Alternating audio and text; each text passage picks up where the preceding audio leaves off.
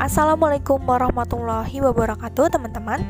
Ketemu dengan saya Tia Novitasari dari Pendidikan Bisnis A 2018 Pada podcast kali ini saya akan membahas mengenai sebuah kasus Di mata kuliah strategi belajar mengajar. Di sebuah SMK jurusan bisnis dan marketing Terdapat satu peserta didik di kelas yang mengalami keunikan karakteristik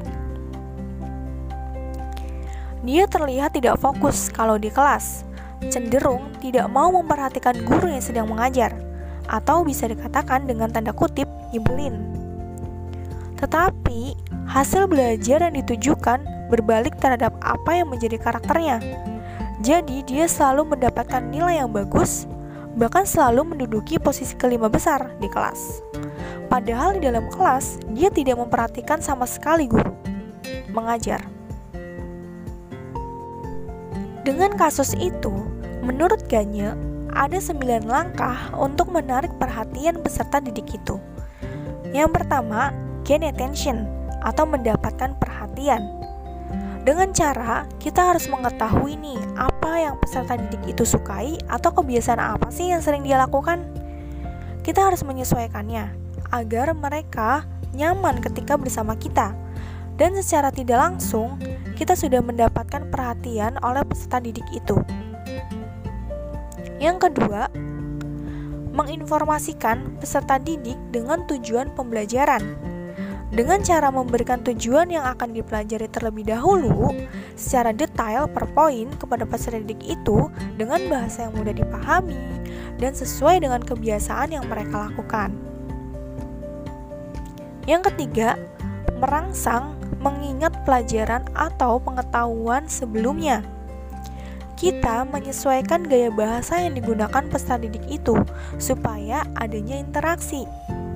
Kita menanyakan materi-materi yang sudah dipelajari sebelumnya atau pengalaman yang berhubungan materi tersebut agar peserta didik merespon dan memberi tanggapan secara langsung.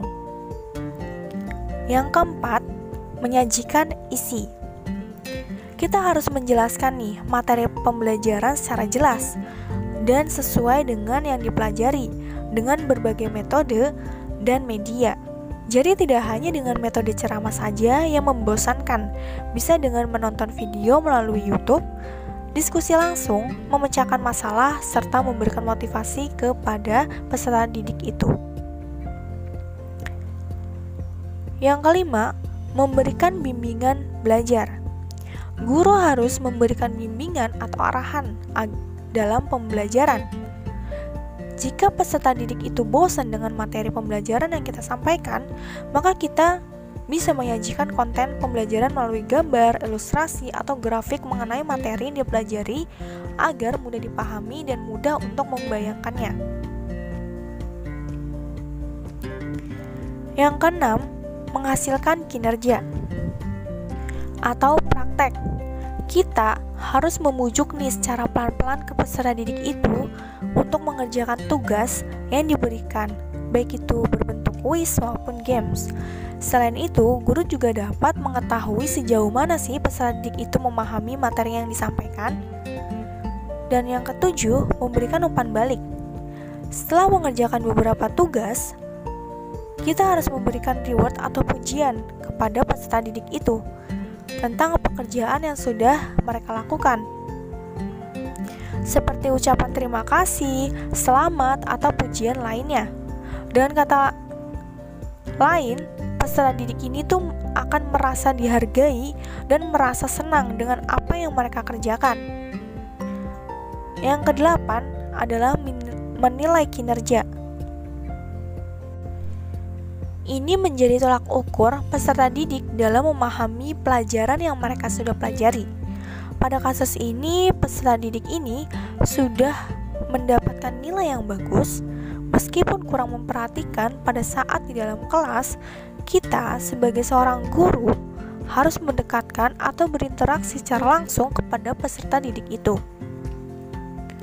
Yang kesembilan, meningkatkan penguatan atau retensi dan alih pengetahuan atau transfer. Pada kasus ini, peserta didik itu akan diberikan sebuah tugas tentang materi yang ia dapatkan.